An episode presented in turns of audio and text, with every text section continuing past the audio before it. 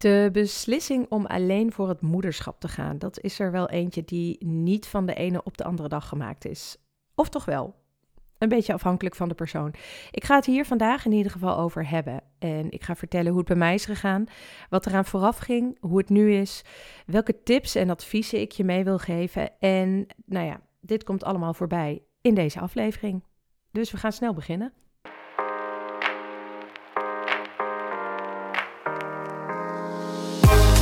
Wat leuk dat je luistert naar de podcast Het Gouden Ei. Mijn naam is Femke Schipperheijn.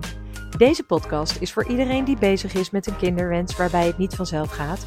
En voor degene die graag wil weten wat er nu allemaal komt kijken bij een fertiliteitstraject. Zowel op medisch als op mentaal vlak. In deze podcast deel ik waardevolle informatie en tips om jou meer wegwijs te maken in de wereld van fertiliteit.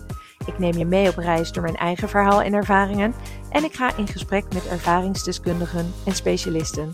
Laten we snel beginnen.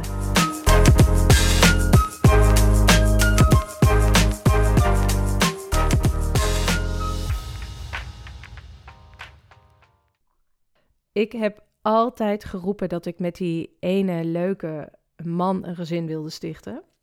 En um, ik hoor natuurlijk ook in mijn praktijk zie ik veel vrouwen voorbij komen die er heel erg lang over doen om de beslissing te maken of ze hè, om alleen voor, het voor een kindje te gaan, voor hun kinderwens. En daarom dacht ik, ik wil hier toch ook een aflevering aan wijden. Dus daar ga ik het vandaag over hebben.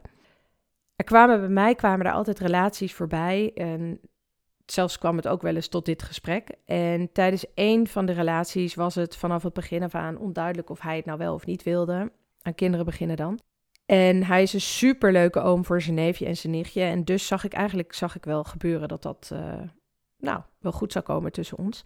Maar ik luisterde niet goed naar wat hij tegen mij zei. En toen ik dat eenmaal ging doen en toen ik ook eenmaal niet meer om mijn eigen kinderwens heen kwam, toen kwamen er scheuren in de relatie. Dit kwam nog sterker naar boven. En het bleek dus dat wij ook helemaal geen goede match waren, dat we helemaal niet hetzelfde wilden.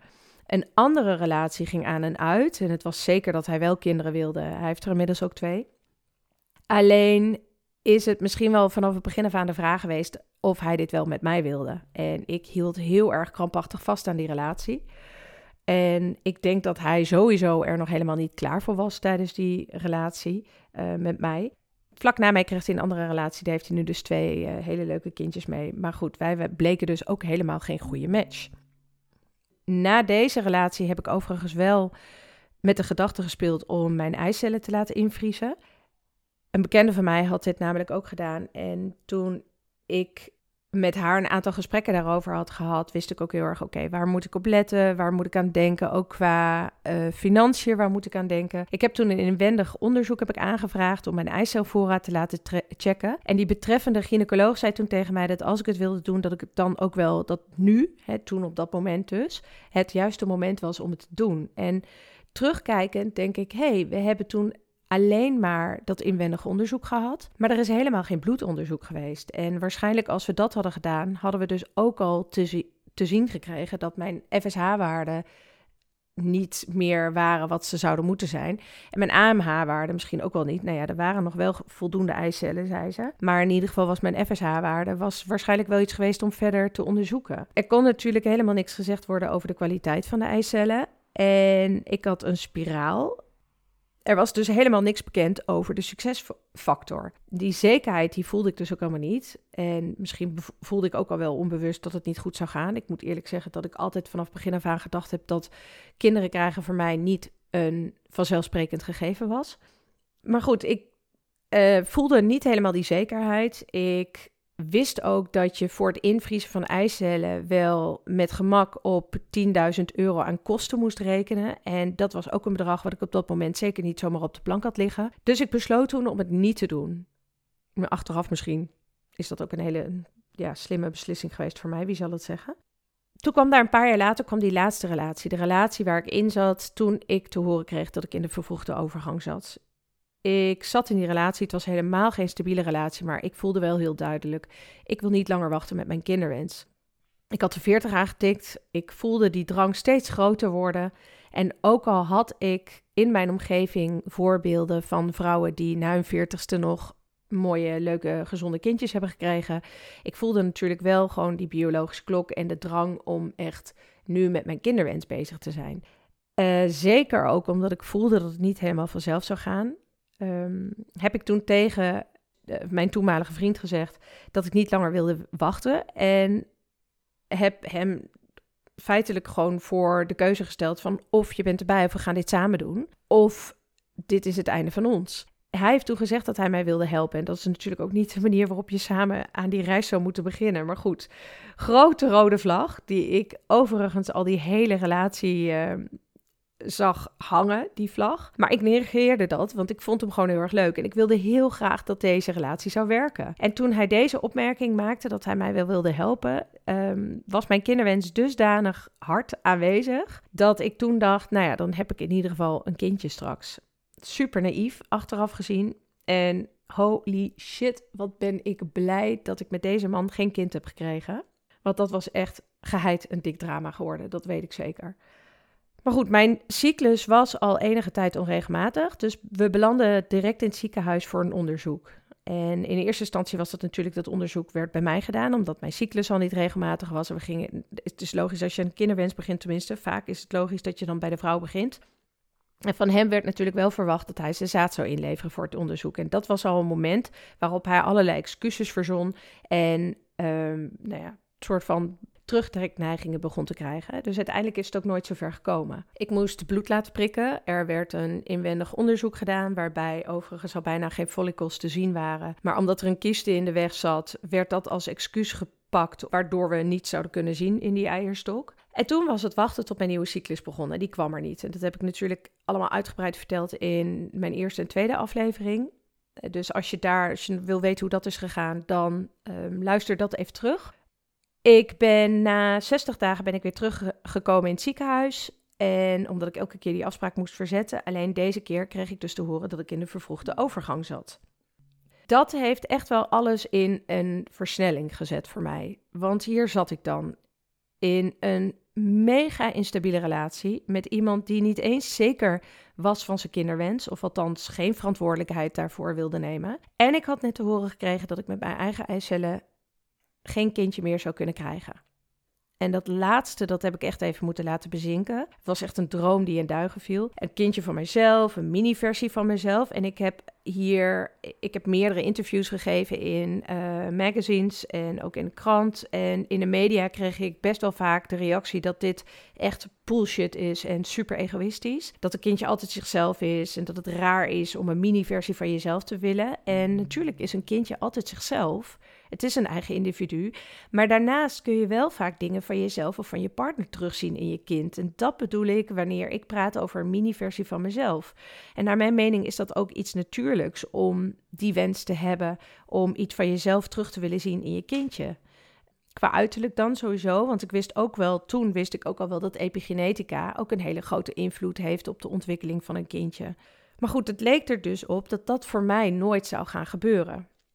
Ik heb de feestdagen, het was vlak voor de feestdagen, dus die heb ik al overheen laten gaan. Ik heb veel gesprekken gevoerd met vrienden. En in januari ben ik nog een keer samen met een vriendin, heb ik een second opinion gehad bij een van de beste artsen in het ziekenhuis. En die bevestigde mij wat de artsassistent mij had verteld bij mededelen van mijn diagnose. Met mijn eigen eicellen ging het echt niet meer gebeuren, zei hij. En hij zei: Het is zoeken naar het gouden ei bij jou. Ehm, die ga je hoogstwaarschijnlijk niet vinden. En hij verwees mij toen ook door naar een van de klinieken in Nederland waar ik terecht kon voor eiceldonatie. En ja, jeetje, die oerdrang om mama te worden, die was door dit hele gebeuren nog harder aangewakkerd. En ik voelde heel duidelijk dat ik nu actie wilde onder, ondernemen. Ik had het jaren voor me uitgeschoven, omdat ik het zo graag in een fijne, stabiele relatie wilde uh, doen. Hè, die kinderwens uit laten komen. En ook kijkend naar mijn omgeving, met de gedachte dat ik nog wat tijd had, omdat ik dus een aantal mensen in mijn omgeving uh, had die na hun veertigste moeder waren geworden. En nu bleek dus in één keer dat ik te laat was. Echt veel, veel te laat. Daarom voelde ik ook helemaal geen reden meer om te wachten. Het scheen ook ineens een heel duidelijk licht natuurlijk op die relatie waar ik in zat. Het was een enorm getrek, zou ik bijna willen zeggen, om die man echt voor onze relatie te laten gaan. En hij zei wel elke keer dat hij dat echt wilde en dat ik zijn eindstation was. Maar zijn acties waren daar helemaal niet naar.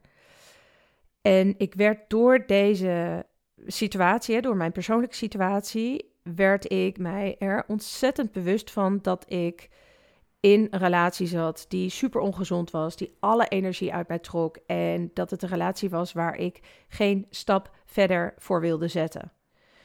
De relatie kostte mij dus, wat ik al zei, zoveel energie. Het werd echt tijd dat ik die energie ergens anders aan ging besteden. En dus wat ik heel graag wilde aan mijn kinderwens. Om te kijken hoe ik die toch nog op de een of andere manier uit zou kunnen laten komen. Dat en die megadrang dus, die oerdrang om mama te worden, die zorgde ervoor dat ik heel sterk voelde, ik ga dit alleen doen. Ik ga alleen voor mijn kinderwens. En dat was echt iets. Ik kan me nog eens gesprekken herinneren met vriendinnen. Eén vriendin die zei dat ze dit wel voor zich zag om het alleen te gaan doen. En ik riep altijd: dat wil ik niet. Ik heb dat altijd geroepen. En ineens voelde ik heel sterk: what the heck, ik ga dit echt gewoon alleen doen. Ik kan dit alleen. Ik ga voor niets of niemand nog mijn kinderwens on hold zetten. Dit is wat ik wil en dus ga ik ervoor. En dat was de eerste stap richting mijn nieuwe leven. Het leven als badass single mom van een kindje. Het voelde echt mega krachtig dat ik die beslissing had genomen. Echt, ik kan me dat nog zo goed herinneren. En ook al wist ik natuurlijk helemaal niet of het er überhaupt van zou gaan komen. Want ja, ik zat natuurlijk in een super onzekere situatie, omdat het met mijn eigen eicellen niet meer ging gebeuren. Maar toch wilde ik alles eraan doen om te proberen om die wens uit te laten komen. Dat ook al zou het niet lukken, dat ik wel achteraf zou kunnen zeggen: ik heb er echt alles aan gedaan. Ik heb me door niemand meer laten tegenhouden. Ik heb alles gedaan wat ik kon. Het was ook het, het, ja, het feit dat ik ook voor het eerst in mijn leven echt zo ongelooflijk bewust voor mijn eigen geluk koos. Dat gaf me ook een super fijn en sterk gevoel. Het was mijn beslissing en ik mocht nu zelf helemaal gaan uitzoeken hoe ik deze weg ging bewandelen en hoe die te bewandelen viel. En dat is natuurlijk ook heel erg dubbel, want je hebt een kinderwens en bij die wens hoort dan wel vaak dat je dat met je grote liefde wil proberen om die kinderwens dus uit te laten komen. En wanneer je dan die grote liefde dan maar niet tegenkomt, om whatever reason, dan ben je geneigd om daarmee de droom ook vooruit te schuiven. Maar daarmee leg je wel tegelijkertijd jouw droom in de handen van die ander die je overigens nog niet eens hebt ontmoet. En waarmee je dan een hele afwachtende houding aanneemt van je eigen droom. Maar het gegeven dat je altijd iemand anders nodig hebt om deze droom uit te laten komen, maakt het natuurlijk heel erg complex. En zelfs wanneer dat betekent dat je ook met je partner samen op zoek moet gaan naar een donor voor het zaad, dan wil je het nog steeds het liefst aangaan met diegene die er hetzelfde in staat als jij. En die keuze om eerst op zoek te gaan naar die ander is super begrijpelijk. Om ervoor te zorgen dat je uiteindelijk niet te laat bent, zoals ik dus was, raad ik je daarom wel aan om regelmatige checks in te plannen bij je gynaecoloog. Dus laat een inwendig onderzoek doen. Laat bloed prikken. Laat die FSH-waarde, die AMH-waarde, laat dat allemaal eventjes controleren om te kijken of, het nog steeds, of je nog steeds tijd hebt, so to speak. En dan nog, hè, ehm, bevestigt het niet dat het dus ook allemaal gaat lukken. Maar dan heb je wel, in ieder geval heb je dat, hou je daar een beetje zicht op. Dat wil dan nog steeds niet per definitie zeggen dat als die waardes goed zijn, dat de kwaliteit nog steeds, hè, dat het nog steeds succesvol wordt. Maar je houdt in ieder geval wat beter de controle erop en je houdt wat beter het zicht erop. Dat je ook weet, oké, het wordt nu echt tijd om in actie te springen. En dan dus niet alleen maar met een inwendig onderzoek, zoals ik heb gedaan, maar echt ook met, die, met dat bloedonderzoek erbij. Want worden er dan afwijkingen gevonden, dan wel met dat inwendig onderzoek of tijdens de bloedtest? Dan kun je in ieder geval met je gynaecoloog bespreken of het noodzakelijk is om direct al actie te ondernemen voor je kinderwens. Het kan natuurlijk ook dat je je eicellen in laat vriezen, zodat je de druk eraf haalt om voor je 35ste actie te moeten ondernemen. En dat je ook de druk eraf haalt om die leuke partner maar op tijd te vinden. Want vanaf je 35ste gaan je eicel, gaat je eicelkwaliteit en de, kans op zwangerschap gaat omlaag. En wanneer je laat en wanneer je eraan denkt om je eicellen in te laten vriezen, moet je wel rekening houden met de hoge kosten. En ben je ben er dan ook wel echt heel goed bewust van dat je ook dan geen 100% garantie hebt dat je met zekerheid zwanger gaat worden.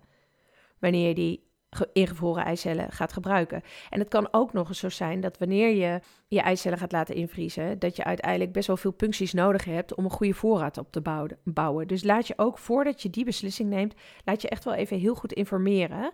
Want het is absoluut een optie. En zeker als je nog een stuk voor je 35ste zit, zeker een optie om dat te gaan doen. Bespreek het wel allemaal heel goed met je gynaecoloog voordat je die actie gaat ondernemen. Ik ben natuurlijk nog altijd geen arts. Ga ik ook nooit worden. Ehm, dus ik ga daarmee ga ik ook verdere uitspraken uh, daar niet over doen. Maar wel dus het advies om echt dit eventjes door te nemen met, met de gynaecoloog. Het kan natuurlijk ook andersom. Dat je wel alleen voor je kinderwens gaat en dat je erop vertrouwt dat je die waren vanzelf ten, uh, tegenkomt wanneer het moment daar is. En in films ik kan me nog een film herinneren met Jennifer, uh, Jennifer Lopez. Dat ze besloot om voor die kinderwens te gaan. En dat ze op de markt die ene leuke speciale man tegenkwam. Nou, ik heb ook wel van dit soort vergelijkbare verhalen gehoord in het echt. Dat kan. Sta je daar dan niet op blind. Maar je kan natuurlijk ook denken: weet je, ik ga niet langer wachten op die waren. Ik ga nu voor die kinderwens, want het is mijn droom. En die man of die leuke vrouw, die komt vanzelf wel. Kan ook echt super powerful voelen natuurlijk. Dat was dus uiteindelijk het gevoel dat bij mij door mijn lijf ging. Ik ging eindelijk mijn eigen droom achterna. Een droom die ik dus al had sinds ik een klein meisje was. En die met mij was meegegroeid, die ook nooit is weggegaan. En Oké, het werd niet meer invulbaar zoals ik het had bedacht als klein meisje. Zo rond mijn dertigste kinderen krijgen. Of nee, ja, rond mijn dertigste kinderen krijgen en rond mijn 32ste mijn tweede kind. Uh, net als mijn eigen mama. Maar ik, had wel, ik kwam wel in één keer heel erg dicht bij het vervullen van mijn droom. Ineens had ik daar dus ook niet meer die ander voor nodig. Ik had wel ineens twee andere mensen nodig. Dat dan wel weer. En ook dat verhaal, als je dat nog niet gehoord hebt, luister even terug uh, luister aflevering 1 en 2 even terug, want daar vertel ik uitgebreid over mijn verhaal en hoe en waarom ik dus twee andere mensen nodig had om zwanger te kunnen worden. Ja, ik had die beslissing genomen en dat leek me enerzijds echt super zwaar om het alleen te gaan doen. En aan de andere kant voelde ik daar ook weer een enorme oerkracht binnen, want er waren zoveel andere vrouwen die mij voor waren gegaan. Dus waarom zou ik dat niet kunnen? Waarom zou ik het niet in mijn eentje kunnen? En ik voelde ook heel duidelijk van, ik kan dit prima in mijn eentje. En ik ga ook mezelf van tevoren niet te druk maken over wat voor een heftige dingen er allemaal op mijn pad kunnen komen. Want die ga ik wel aan op het moment dat ze voor mijn neus staan. Dat ik er uiteindelijk voor koos om het alleen te gaan doen, betekende niet dat ik ook alle stappen alleen moest gaan zetten en dat ik niet alle hulp mocht inschakelen van vrienden. Ik mocht juist gaan leren om hulp te vragen aan mijn omgeving. Iets wat ik toen en nog steeds wel. Kan het nu beter, maar ik vond dat toen echt super lastig. Het moment dat ik te horen kreeg dat ik in de vervroegde overgang zat, was ik alleen naar het ziekenhuis gegaan. En dat was meteen zo'n enorme eye-opener voor mij. Ik zat daar helemaal alleen in dat ziekenhuis, terwijl ik mega slecht nieuws kreeg. En waarom wilde ik in godsnaam ook alleen naar die afspraak? En ik heb toen op dat moment ook besloten dat ik nooit meer alleen naar het ziekenhuis zou gaan in dit traject. En of naar alle andere afspraken ook wat eh, voor mijn fertiliteitstraject. Nou ja, een aantal echo's heb ik wel alleen gemaakt of laten doen. Maar afspraken in het ziekenhuis, afspraken bij de kliniek waar ik uiteindelijk eh, mijn fertiliteitstraject heb doorlopen. Ik ben geen één keer daar alleen naartoe gegaan. Tijdens het traject lukte het mij best wel goed om hulp te vragen. Vriendinnen gingen met me mee naar Spanje. Ik heb super fijne hulp van een vriend en een vriendin gehad tijdens mijn zwangerschap. Tijdens en na de bevalling had ik mensen om me heen verzameld. Maar daarna daarna kwam het echt op mij aan. Ik ging ook steeds minder hulp vragen, omdat, dat moet ik bekennen, ik het nog altijd lastig vind. Ik ben nog altijd een kei om voor andere mensen te denken op zo'n moment. En dan in te vullen dat ze er geen tijd voor hebben. Of dat ze misschien wel helemaal geen zin hebben om mij te helpen. En dan hoor ik zo'n klein stemmetje in mijn hoofd zeggen: Jij wilde een kind. En dat komt natuurlijk ook ergens vandaan. Dat heeft ooit iemand een keer tegen mij gezegd. En dat is toch wel een beetje blijven hangen. Ja, ik vind dat zo zonde, want de meeste mensen in mijn omgeving willen mij juist met liefde helpen en vinden het juist heel erg fijn en gezellig om mij te kunnen helpen. En als ik andersom ga nadenken, dan zou ik een ander ook altijd willen helpen. Dus het is echt nog steeds jammer, vind ik het, dat ik dat, nou ja, ik zou dat nog steeds vaker mogen doen, laat ik het zo zeggen. Dus dit is zeker een advies van mij dat je mee mag nemen uit deze aflevering. Laat dat stemmetje in je hoofd links liggen en vraag juist die hulp. Je hoeft niet altijd die sterke zelfstandige vrouw uit te hangen omdat jij de keuze maakt om alleen voor het ouderschap te gaan. Die sterke zelfstandige vrouw, die ben je ook nog steeds als je hulp vraagt. Ja, je kunt het echt wel allemaal alleen, dat weet ik ook wel. Alleen het hoeft niet allemaal alleen. De opmerking It takes a village to raise a child, die bestaat natuurlijk niet voor niets. En dat wil niet zeggen dat je met alles hulp moet vragen aan een ander, maar het mag wel. Je mag altijd hulp vragen. Ik moet dit ook echt gaan doen voor mezelf en voor mijn kind. Ik heb echt tijd nodig om op te kunnen laden. En dat betekent dus dat ik af en toe gewoon aan mijn omgeving moet vragen of hij een keertje mag komen logeren of dat hij een keertje een uurtje mag komen spelen. Ik moet daar echt die ruimte in creëren om ook uiteindelijk weer een leukere mama te zijn voor hem. Ik krijg regelmatig de vraag hoe het is en of het zwaar is om alleen een kind op te voeden. En ik heb geen vergelijking, dus ik vind het altijd een beetje een lastige vraag. Ja, hoe is het om een kind samen met een partner op te voeden? Een paar keer heb ik die inmiddels gevraagd aan mensen, maar die stel je normaal gesproken ook niet. Als je mensen tegenkomt die een kind hebben gekregen samen. Het makkelijke is, het is mijn kind, mijn huis, mijn regels. Dus ik bepaal zelf hoe mijn kind opgevoed wordt, hoe ik dat wil. En daarover heb ik natuurlijk dus nooit een discussie met die ander die daar anders over kan denken. Het is ook allemaal heel erg duidelijk, aangezien ik het allemaal zelf moet doen. Dus ik heb ook geen verwachtingen naar een ander toe waarin ik teleurgesteld kan worden. Of irritaties naar die ander toe omdat hij iets niet doet waarvan ik had gewild dat hij het zou doen. Dus dat maakt het heel makkelijk. En tegelijkertijd is er natuurlijk niemand om mee te sparren. Om de mooie, bijzondere momenten mee te delen. De ontwikkelingen van mijn kindje. Ehm, je hebt nooit een volwassen gesprek in de avond, tenzij er iemand komt eten. Ja, ik ben het enige vangnet dat tijdens de slechte nachten, maar ook wanneer er iets gebeurt, na een avondje uit, dan kan ik natuurlijk niet de volgende ochtend blijven liggen om een roes uit te slapen. Dat is me echt wel twee keer overkomen nu en geloof me, dat is echt geen feestje. Dus daar ben ik echt wel een stuk voorzichtiger in. Op het moment dat hij ziek is en de opvang belt, dan heb ik wel een backup, maar uiteindelijk komt het natuurlijk in eerste instantie wel op mij aan. Dus zo zijn er wel allemaal dingetjes. Het maakt het een stuk makkelijker, overzichtelijker, duidelijker. Het is heel straightforward. En aan de andere kant zijn er natuurlijk ook, is het wat lastiger, want je staat altijd aan omdat jij de enige bent die jouw kindje heeft als ouder. Is het zwaar? Ja. Ja, het is zeker. Het is, het, is, het is het zwaarste wat ik heb moeten doen. Maar het is ook het allermooiste wat ik heb moeten doen. Maar het is het zwaarste omdat mijn hoofd continu doordraait en alles moet gebeuren. Aan de andere kant is dit denk ik trouwens ook niet inherent aan het alleenstaand moederschap. Want volgens mij kent iedere moeder dit wel, single of niet. Um, zeker ook met mijn eigen coaching business ben ik constant bezig. En ik merk ook dat ik snel kan zeggen tegen mijn kindje: Ik moet even opruimen. Ik kom zo. Ik moet even werken, lieverd. Ik kom zo. En al een tijdje probeer ik me daar nu echt heel erg op bewust op te zijn. Dat ik dan echt eventjes de tijd pak met hem. Die vaat kan ik ook later opruimen. En dat berichtje kan ook later verstuurd worden of dat mailtje. Maar dat moment dat ik met hem kan zijn en even met hem kan spelen, stoeien, knuffelen, die komen nooit meer op deze manier terug. Dus ik ben me daar echt wel steeds bewuster van en dan leg ik mijn werk neer, dan leg ik de vaat neer en dan ga ik met hem spelen. En dan komt de rest later wel. Is het het mooiste wat mij is overkomen? En dat zei ik natuurlijk net ook al eventjes. Echt by far. Het is echt de allerbeste beslissing die ik ooit heb genomen. En natuurlijk had ik graag met iemand anders de reis naar mijn kinderwens gestart. Maar dit was mijn wens en die heb ik gevolgd, omdat ik zo ongelooflijk graag een kindje wilde. En daar ben ik echt iedere dag opnieuw ongelooflijk dankbaar voor.